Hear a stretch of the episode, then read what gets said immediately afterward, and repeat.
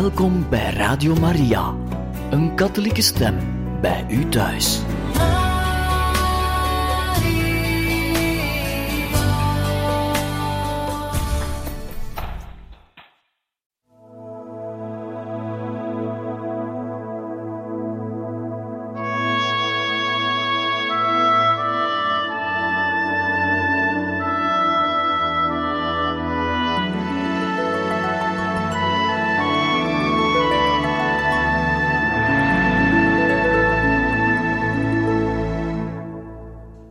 Beste luisteraars van Radio Maria, hartelijk welkom in dit programma Heilige Getuigen, waar wij verder gaan met het leven van de dienares Gods Montse Grasses, geschreven door Edith Zeltner en uitgegeven bij uitgeverij De Boog. Wij waren gekomen bij hoofdstuk 3, de roeping, waar Montse nadenkt over een roeping bij het Opus Dei, zij heeft het daar voor de eerste keer over met haar vader. Papa zette haar niet onder druk. Zo'n besluit is altijd een risico, maar alles wat diep in je leven ingrijpt is riskant. Wanneer je met iemand trouwt, weet je ook niet 100% zeker dat je na 50 jaar nog van hem zult houden. Weet je, als God roept, dan heb je voldoende garantie. Dit overtuigde Montse. Als God roept, en dat kon ondertussen niet meer ontkend worden. Ze straalde toen ze beladen met bonte pakjes naar Jar terugkeerde. Dus toch ja. Ze ergerde zich over haar nervositeit en de vlinders in haar buik toen ze op de kamerdeur van de directrice klopte. Jammer, dacht ze, er is al iemand binnen bij Lia en dat leek lang te gaan duren. Ze liep terug naar de strijkkamer en begon kazuifels en andere benodigdheden voor de kapel te strijken. Om de paar minuten keek ze om de hoek naar de kamer van Lia.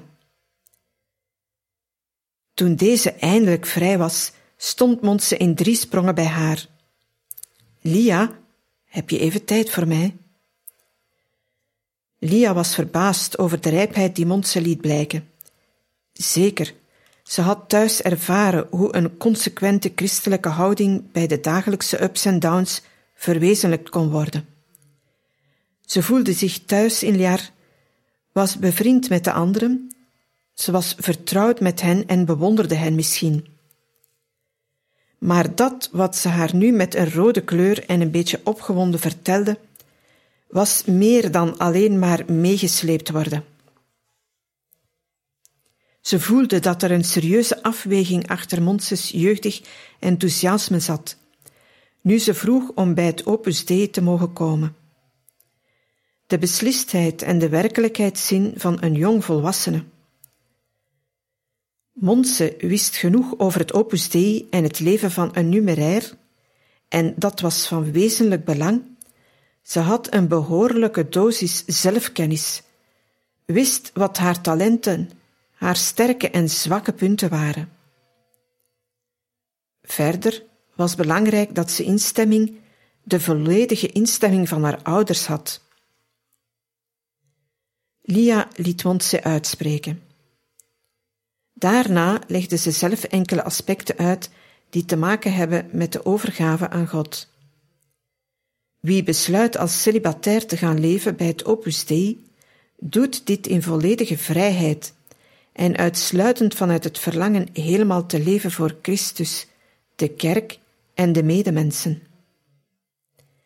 Tegelijkertijd is het Opus Dei geen kloosterorde. Montse zou daarom niet in een gemeenschap opgenomen worden.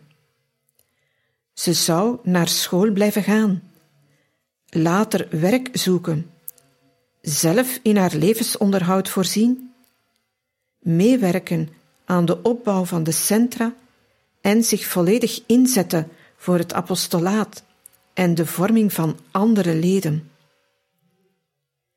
In het begin zou ze bij haar ouders blijven wonen, maar toch al enkele taken in jaar krijgen. Dat deed ze al maanden en in dat opzicht veranderde er nauwelijks iets. Na ongeveer een jaar zou ze in Liar kunnen gaan wonen. Montse straalde. Ze wist dat je je niet laat inschrijven bij het Opus Dei of dat je je besluit met een contributie moet bekrachtigen. Het werk ziet zichzelf als een familie en wie zich erbij wil aansluiten, laat dit in een duidelijke en persoonlijke brief aan de prelaat van het Opus Dei in Rome weten. Ga nu eerst maar naar huis, adviseerde Lia haar. Slaap er een nachtje over en dan kun je morgen je brief schrijven. Montse was een beetje teleurgesteld. Waarom nog een dag wachten? Maar in feite was alles duidelijk. Door haar verzoek om opname werd ze in juridische zin nog geen numerair. Daar moet volgens de statuten van het Opus Dei nog anderhalf jaar op gewacht worden. Daarna volgt pas een toelating op jaarbasis. Maar in de praktijk kon ze zich al onmiddellijk een lid van de familie voelen. Het waren toch wel echt spannende kerstdagen. Op weg naar huis voelde zij zich als in de zevende hemel. Kerstmis. God is mens geworden uit liefde voor de mensen. En zij had zichzelf aan Christus geschonken, omdat hij haar erom gevraagd had. Het was zijn idee, dacht ze, maar ik zelf had niets beters kunnen bedenken. Thuis was alles al in een feestelijke sfeer. De boom, de lichtjes, de geur van kerstgebak, de rode wangen van de kleine zusjes en broertjes die gespannen afwachten. Maar voor de mooiste verrassing zorgden haar ouders. Haar vader haalde een fles champagne tevoorschijn om op Monses toekomst te proosten. Nu zijn we alle drie van het Opus Dei. Montse was sprakeloos. Toen vloog ze haar ouders om de hals, eerst haar vader, toen haar moeder, dan nog een keer haar vader. Lieve hemel, zoveel geluk in één keer. Een paar dagen later begon het te sneeuwen en Montse wilde echt graag gaan skiën. Ze had op de radio iets gehoord over speciale treinen naar bekende skigebieden en meldde zich onmiddellijk aan. Samen met haar moeder ging ze naar een sportzaak, huurde een skipak en uitrusting en kocht een reistas. Ze ging in haar eentje, maar dat vond ze geen probleem, want ze legde meestal snel contacten. Er lag prachtige verse sneeuw. Het was stralend weer, mooie skipistes. Montse genoot. Ze had nooit eerder geskiet, maar alles ging goed. Toch voelde ze zich niet helemaal op haar gemak. Toen ze thuis kwam, overstelpte Manolita haar met vragen. Mooi was het geweest, zei Monse, steeds opnieuw. Ze kon al aardig skiën, maar... Maar wat is er? Ben je gevallen? Heb je je pijn gedaan? Ja, maar dat was niet zo erg. Erg was dat ik mij zo alleen voelde. Weet je, mama, het is zo'n verschil. In jaar vergeet je onmiddellijk dat je nieuw bent en niemand kent. Iemand komt gewoon op je af en zegt: Hallo, hoe heet je? Doe mee. Maar daar, iedereen dacht alleen aan zichzelf. Ik stond te stuntelen met het vastmaken van mijn skis. Maar denk je dat iemand zich om mij bekommerde? Ze zwaaide gewoon naar mij en skiede weg. Er zijn twee manieren om te leven, dacht Montse later. Een egoïstische manier en het alternatief. Met anderen en voor anderen grootmoedig. Zo is de christelijke levenshouding. Zo had ze het thuis altijd gezien. Dat had ze in Liar teruggevonden en zich er daarom onmiddellijk zo thuis gevoeld. Nu kon ze zich niets anders meer voorstellen. Een paar dagen later ging Montse van Liar naar huis. Ze liep met Sylvia mee. Ze zagen een tram aankomen en liepen snel naar de halte. Plotseling hoorde Sylvia achter zich iemand struikelen en roepen. Au, o jee, mijn knie! Wacht even, alsjeblieft! Sylvia draaide zich om en zag hoe Monse haar linkerknie vasthield. Ik vind het achteraf vreselijk stom, vertelde Sylvia later. Maar toen heb ik het helemaal niet serieus genomen. Kom, Monse, stel je niet aan, was mijn reactie, en we zijn snel doorgelopen en hebben de tram nog net gehaald. Hoofdstuk 4 Zekerheid Eind december viel het Lia op dat Monse met een been trok. Weet je moeder dat? vroeg ze haar. Manolita liet de huisarts komen die vooral winters, in de tijd dat er griep heerste, in en uitliep bij de krasses.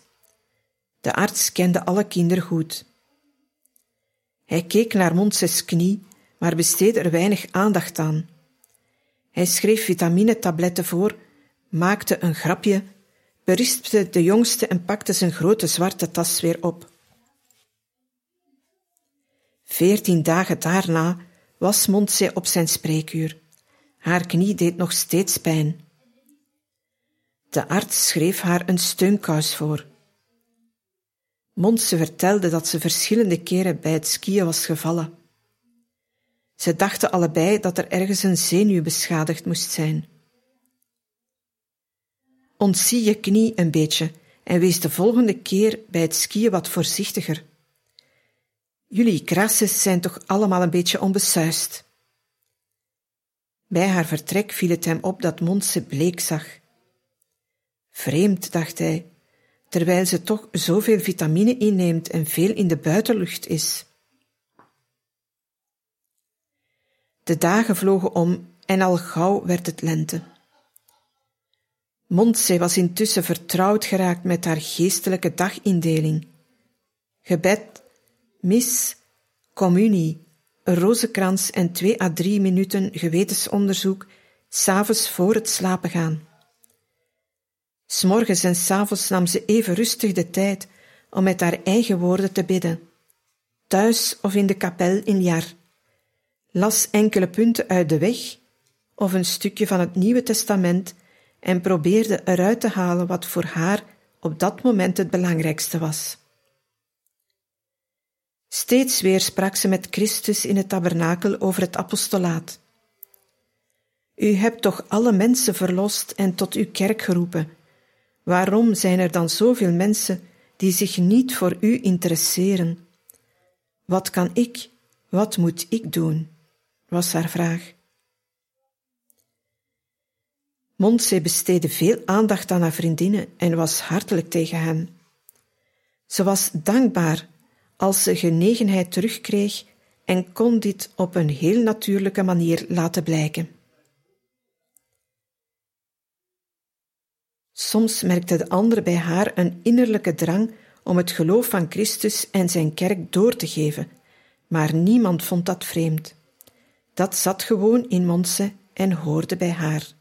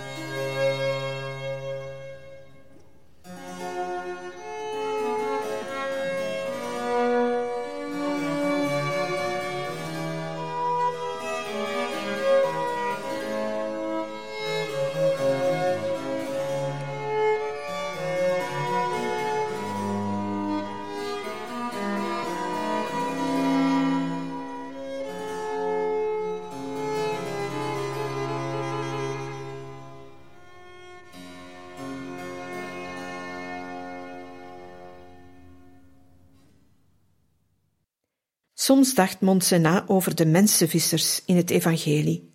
Petrus, Johannes, Philippus, Andreas.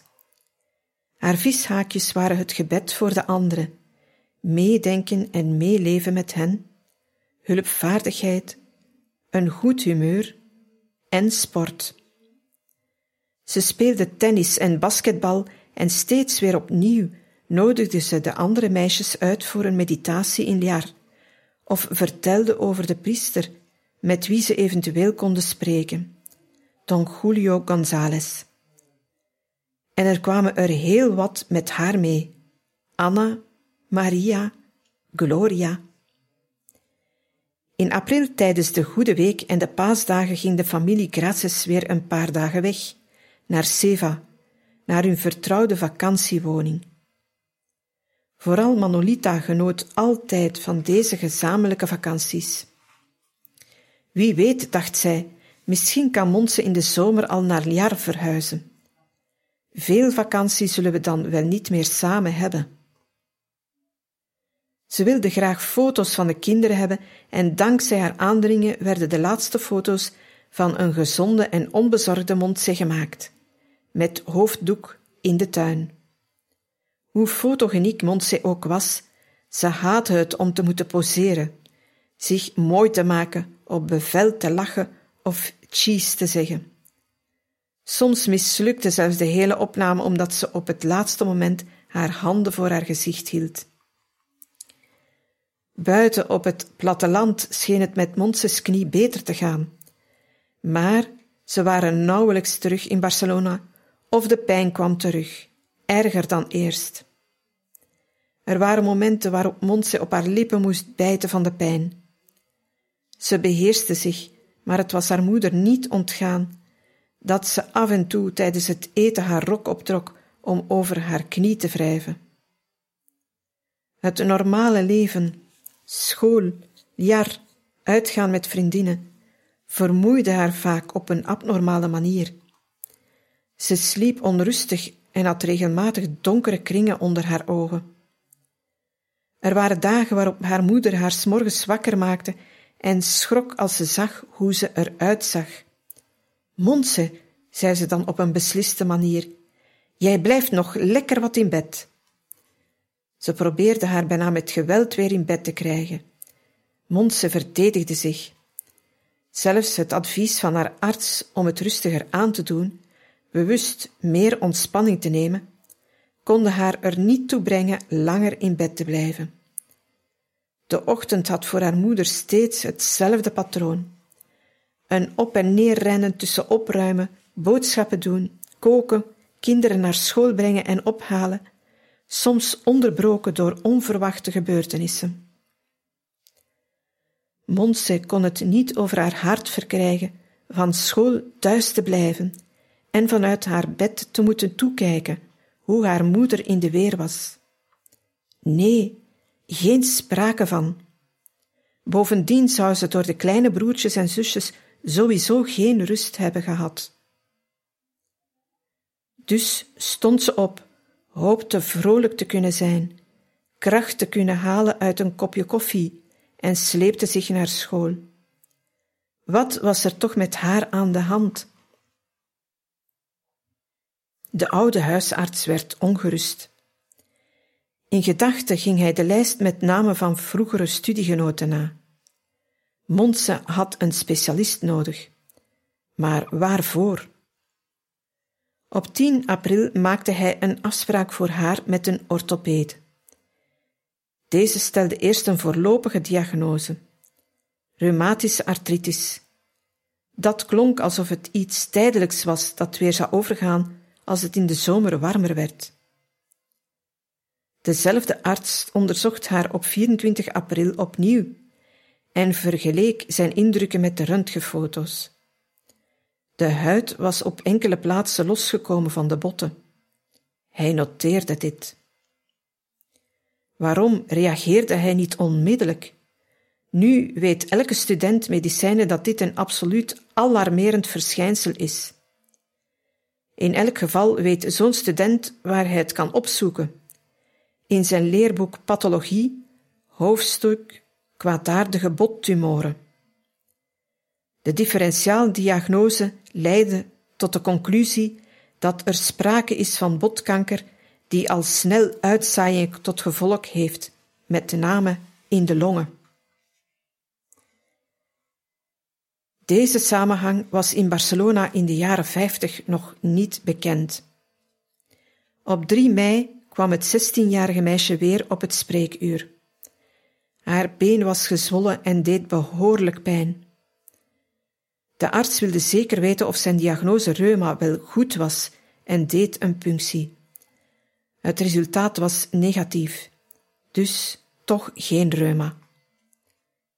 Het been moest tot rust komen, meende hij, en stuurde haar naar de gipskamer. Monses been werd ingegipst van de heup tot aan haar hiel. Zoals de meeste jongeren maakte ze grappen bij het ingipsen. Ze maakte grapjes over haar tenen die vrijgebleven waren en vroeg zich af hoe ze deze kon bedekken zolang het weer nog zo koud was. Of dit alles haar afleidde van het feit dat het dag na dag slechter met haar ging. De vriendelijke gipsmeester had er bij haar bovendien te veel gips opgestreken. Het been werd vreselijk zwaar. Montse klaagde niet. Wie zou denken dat Montse vanaf dit moment niet meer in alle vroegte naar Jar ging om te bidden en de Eucharistie mee te vieren? Vergist zich. Ze was er op tijd, ging naar de kapel en wilde ook niet de kniebuiging achterwege laten om Christus in het tabernakel te groeten. Onder het gips begon haar been echter sterk te zwellen. Op een gegeven moment dacht Montse dat ze het niet langer meer kon uithouden. Iemand die het goed met haar meende en haar overdaad aan energie kende, zei tegen haar: Heb toch een beetje meer geduld. Oké, antwoordde Monse en probeerde te lachen. De klachten hielden aan en niemand geloofde nog in de gestelde diagnose. Reuma, belachelijk. De val bij het skiën met kerstmis. Onzin. Wat bleef was een toenemend gevoel van onrust. Een paar dagen nadat Montse voor het eerst was ingegipst, ging Manuel Graces met haar naar een andere arts, een vriend van hem. Hij was eerste hulpchirurg en orthopeed. Het gips moet er onmiddellijk af, was zijn oordeel, en hij schudde zijn hoofd. Hij overwoog het verband door een lichter te vervangen, wilde het been echter eerst zien. Hij deed op meerdere plaatsen in de knie een punctie om de pijn exact te lokaliseren, maar dat bleek onmogelijk. Elke dag werd de pijn erger. Al gauw sprak Monse niet meer over haar knie, maar klaagde over haar hele been. Vooral het bovenbeen deed pijn. Dat beeld je je misschien in, was een van de vele pogingen haar te troosten. Dat is zenuwpijn die naar boven uitstraalt. Het werd mei, traditioneel de Mariamaand, en onder de scholieren en studenten in Liar ontstond een aanstekelijke bedevaartstemming. Er ging geen dag voorbij waarop de meisjes niet met een bos bloemen kwamen om deze in de kapel te zetten. Met z'n tweeën of drieën gingen ze de stad in om in een Maria-kapelletje of bij een Mariabeeld de rozenkrans te bidden. In de buurt van Casteldaura ligt een mooie kleine bedevaartsplaats. Het voetpad erheen gaat door pijnboompossen en in de verte is het schitteren van de zee te zien. Rosa was enthousiast toen er in Liar gesproken werd om daarheen een bedevaart te maken. Ik ga met de auto, zei ze. We bidden een deel van de rozenkrans in de auto het tweede stuk bij het beeld van de Moeder Gods en het derde als we naar huis rijden. Lia vond het een goed idee. Montse kan dan ook meerijden, dacht ze hardop. Ze moet haar been toch ontzien. Dat beviel Montse helemaal niet. Ik, protesteerde ze fel, ik ga te voet hoor, net als alle anderen. En dan, om haar wens kracht bij te zetten, ik ben toch niet verlamd of zo? Plotseling brak ze haar zin af, keek naar Rosa, die erg blij was geweest dat Monse met haar mee zou rijden, en zei zacht: Sorry, Rosa, dat was dom van mij. Ik heb helemaal niet nagedacht. Rosa voelde zich helemaal niet gekrenkt. Natuurlijk wilde Monse veel liever met de anderen te voet gaan. Ze was zelf ook graag door het bos gewandeld. Toen ze naast haar in de auto zat, zei Monse heel ernstig: Nogmaals sorry.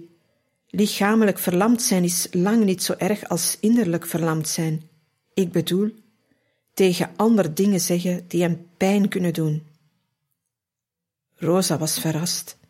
Montse, hou op, zei ze, ik ben het al vergeten. Montse's fijngevoeligheid verbaasde haar.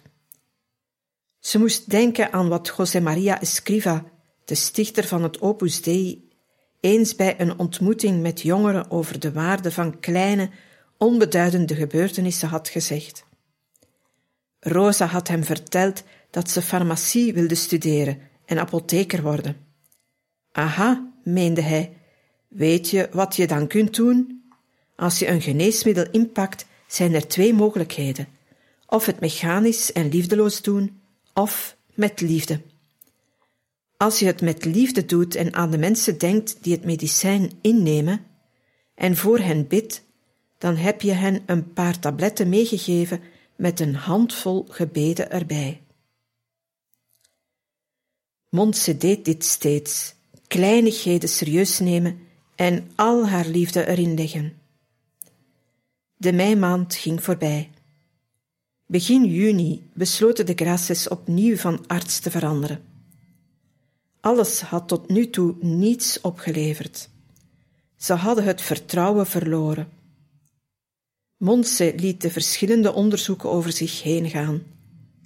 Ze raakte langzaam gewend aan het wachten, het in de juiste houding gaan liggen bij het röntgenapparaat, het beschrijven van de symptomen. En dan is er voor het eerst een arts die het in de spreekkamer tegen Manolita over een tumor heeft. Dat wilde nog niets zeggen.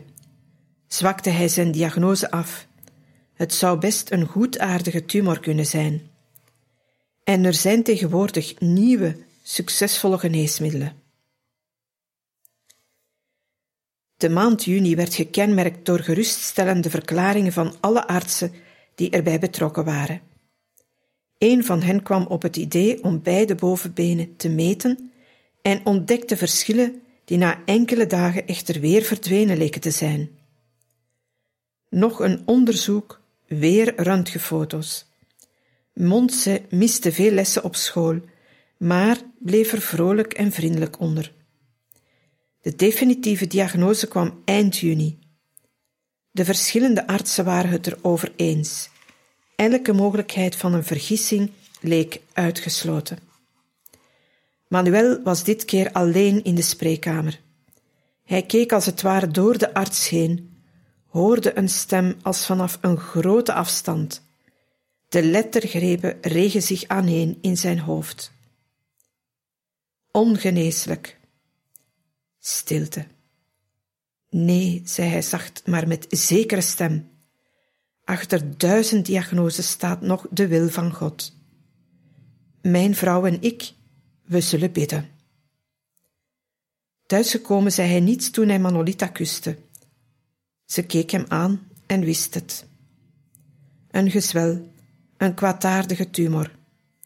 Deze had nog geen naam. Om te weten over welk soort tumor het ging, moest eerst een biopsie worden gedaan. Dat bracht wel het gevaar mee de tumor te prikkelen en tot versnelde groei aan te zetten. Mijn God, wat moest je in zo'n geval beslissen? En als alles nu toch eens een vergissing zou zijn? Ze zouden met Monse naar Lourdes kunnen gaan, op bedevaart. Ik word zo lui, zei Monse eind juni tegen Lia. Vroeger protesteerde ik als ik in bed moest blijven, maar nu, ik wil vaak niet eens meer opstaan.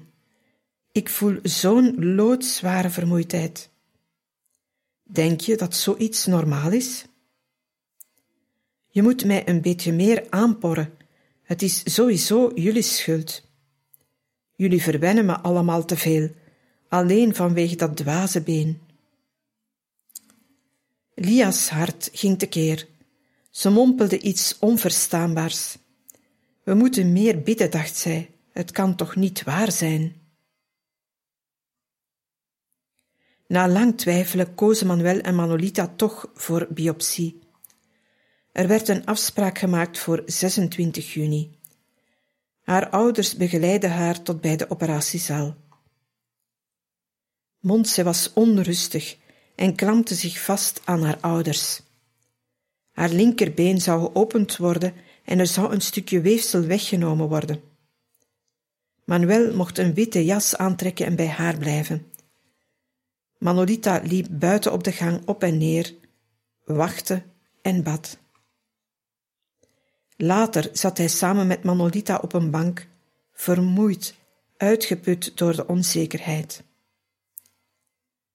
Toen de opererende arts met twee collega's op hen afkwam met enkel blaadjes papier in zijn hand, was alles duidelijk. De onderzoeken in het laboratorium hadden het laatste vleugje hoop weggenomen. Een van de artsen verklaarde dat het om een Ewing-tumor ging, zo genoemd naar de ontdekker ervan. Van alle kwaadaardige tumoren zou dit een van de minst erge zijn. En ze zouden alles proberen.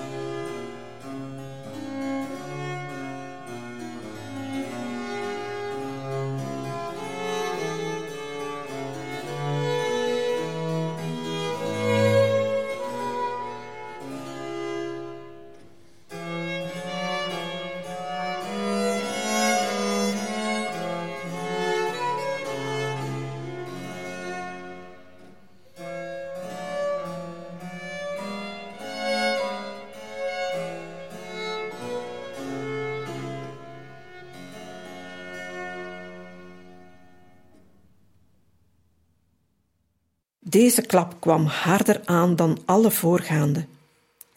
De ouders omarmden elkaar en verzekerden elkaar dat ze bereid waren de wil van God te accepteren. Beiden waren dankbaar dat de ander sterk bleef, maar elk van hen leed onder de eigen hulpeloosheid. We gaan naar haar toe, fluisterde Manolita. Toen stonden ze voor haar bed, de armen om elkaar heen.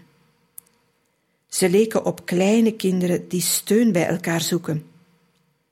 Montse lachte. Dus wat is er aan de hand? En toen vatte Manolita moed. Ze rechte haar rug en dacht: Nu moet ik er vooral zijn voor Montse. Montse, je hebt dus, luister, je hebt een tumor in je knie. Het was een ogenblik heel stil in de ziekenkamer. Montse nam het nieuws op alsof ze het al wist. Het was geen berusting, ook geen verbijstering of zelfmedelijden. Het was een accepteren in de zin van aannemen. Het had weinig gescheeld of ze had dank u wel gezegd, alsof iemand haar iets in de hand had gedrukt of de deur voor haar had opengehouden. Rosa merkte in deze dagen hoe sterk Monse bij alles wat er gebeurde de hand van God voelde. Dat is heiligheid, dacht ze. Ja, zoiets kan ik alleen omschrijven met het woord heroïs. Monse kon zo hartstochtelijk geëngageerd zijn, zo impulsief enthousiast in haar jeugdige overmoed. Ze kon al haar reserves bijna met geweld in een idee stoppen dat haar niet meer losliet tot ze succes had. Juist zij, die zich zo soms kon ergeren, werd door haar ziekte evenwichtiger. Ze reageerde niet meer zo impulsief als vroeger. Maar dit was geen wonderbaarlijke verandering. Rosa zag hoe Monse zich inspande. Het leek erop dat ze calculeerde. Als God mij maar helpt, dan lukt het vandaag. En morgen zien we wel weer. Dan vraag ik hem opnieuw om hulp. Na drie dagen in het ziekenhuis mocht ze weer naar huis. Ze was er heel blij om. Voor de kleine broers en zussen leek alles nu weer in orde. Maar het was inspannend. Elke beweging deed pijn. En Liar?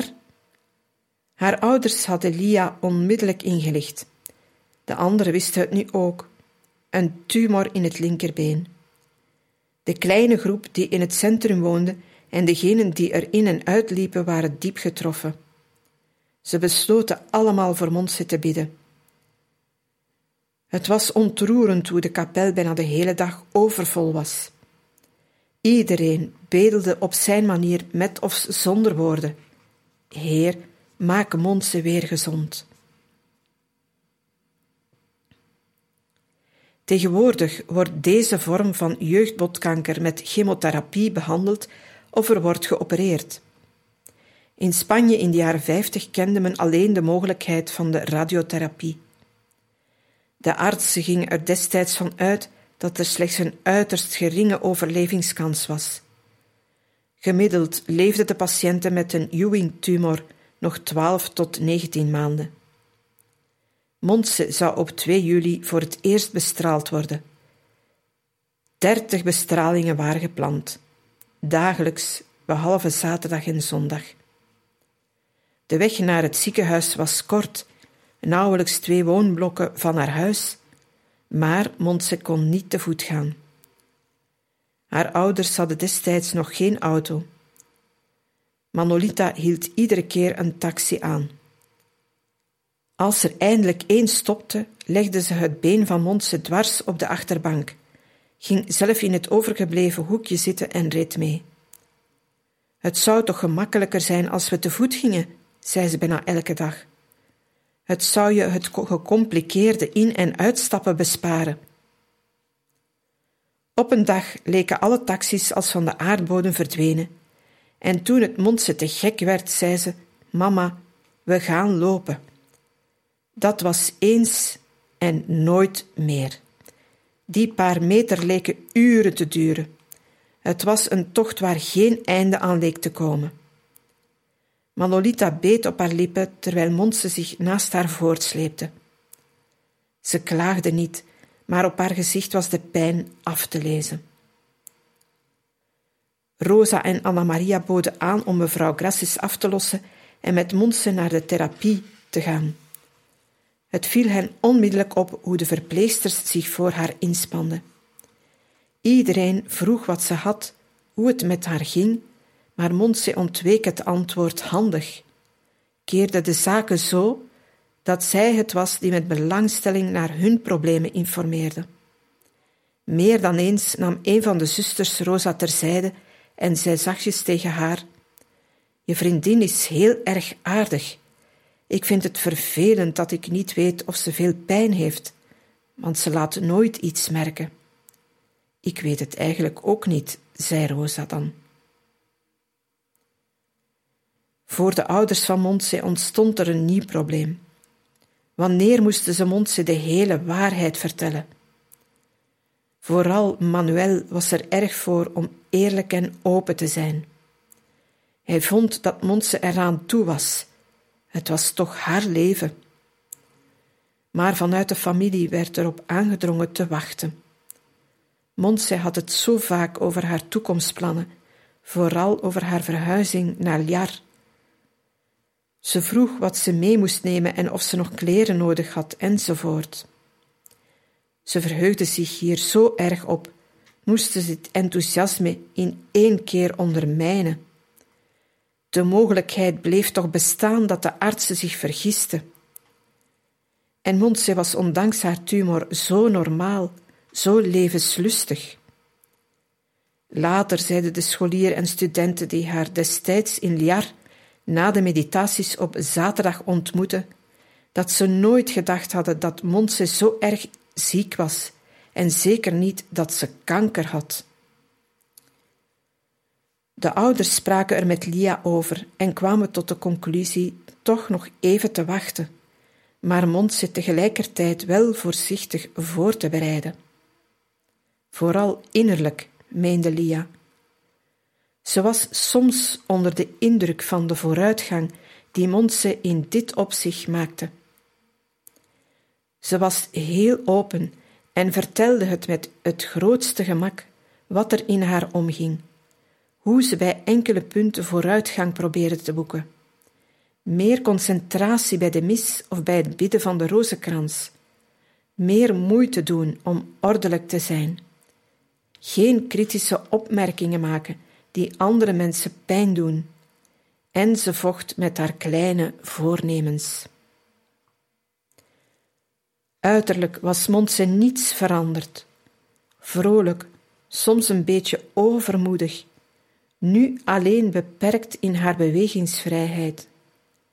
Ze kende de meeste hits van buiten en ze was vaak aan het zingen of neurien of tikte met haar vingers het ritme mee. In september, tijdens de vakantieperiode in Seva, deed ze zelfs nog mee aan een toneelstuk leerde heel serieus haar tekst en speelde haar rol uitstekend. Van haar optreden zijn foto's bewaard gebleven. Niemand merkte hoe de pijn in haar been de overhand kreeg en haar bijna verlamde. De toeschouwers meenden dat ze de woorden met opzet zo nadrukkelijk bracht en applaudisseerden enthousiast. Onnodig heldhaftig, Misschien ook niet.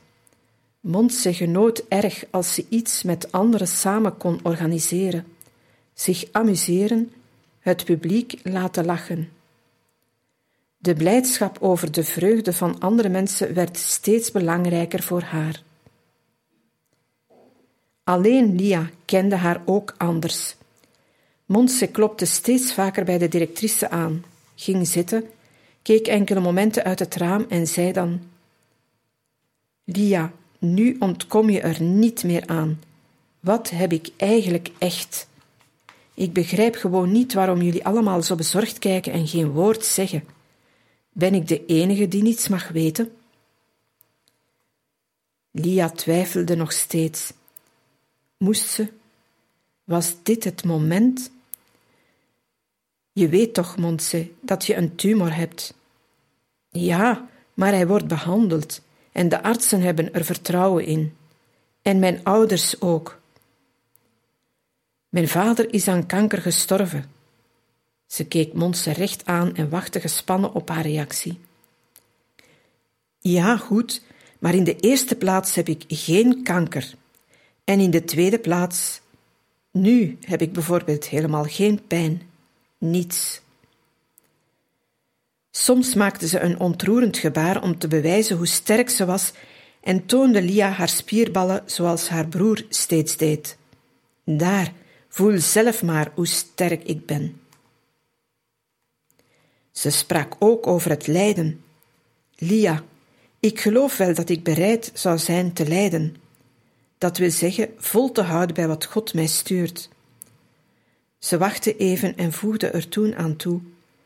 Dus eigenlijk ben ik toch bang voor de pijn. En voor de artsen heb ik een panische angst.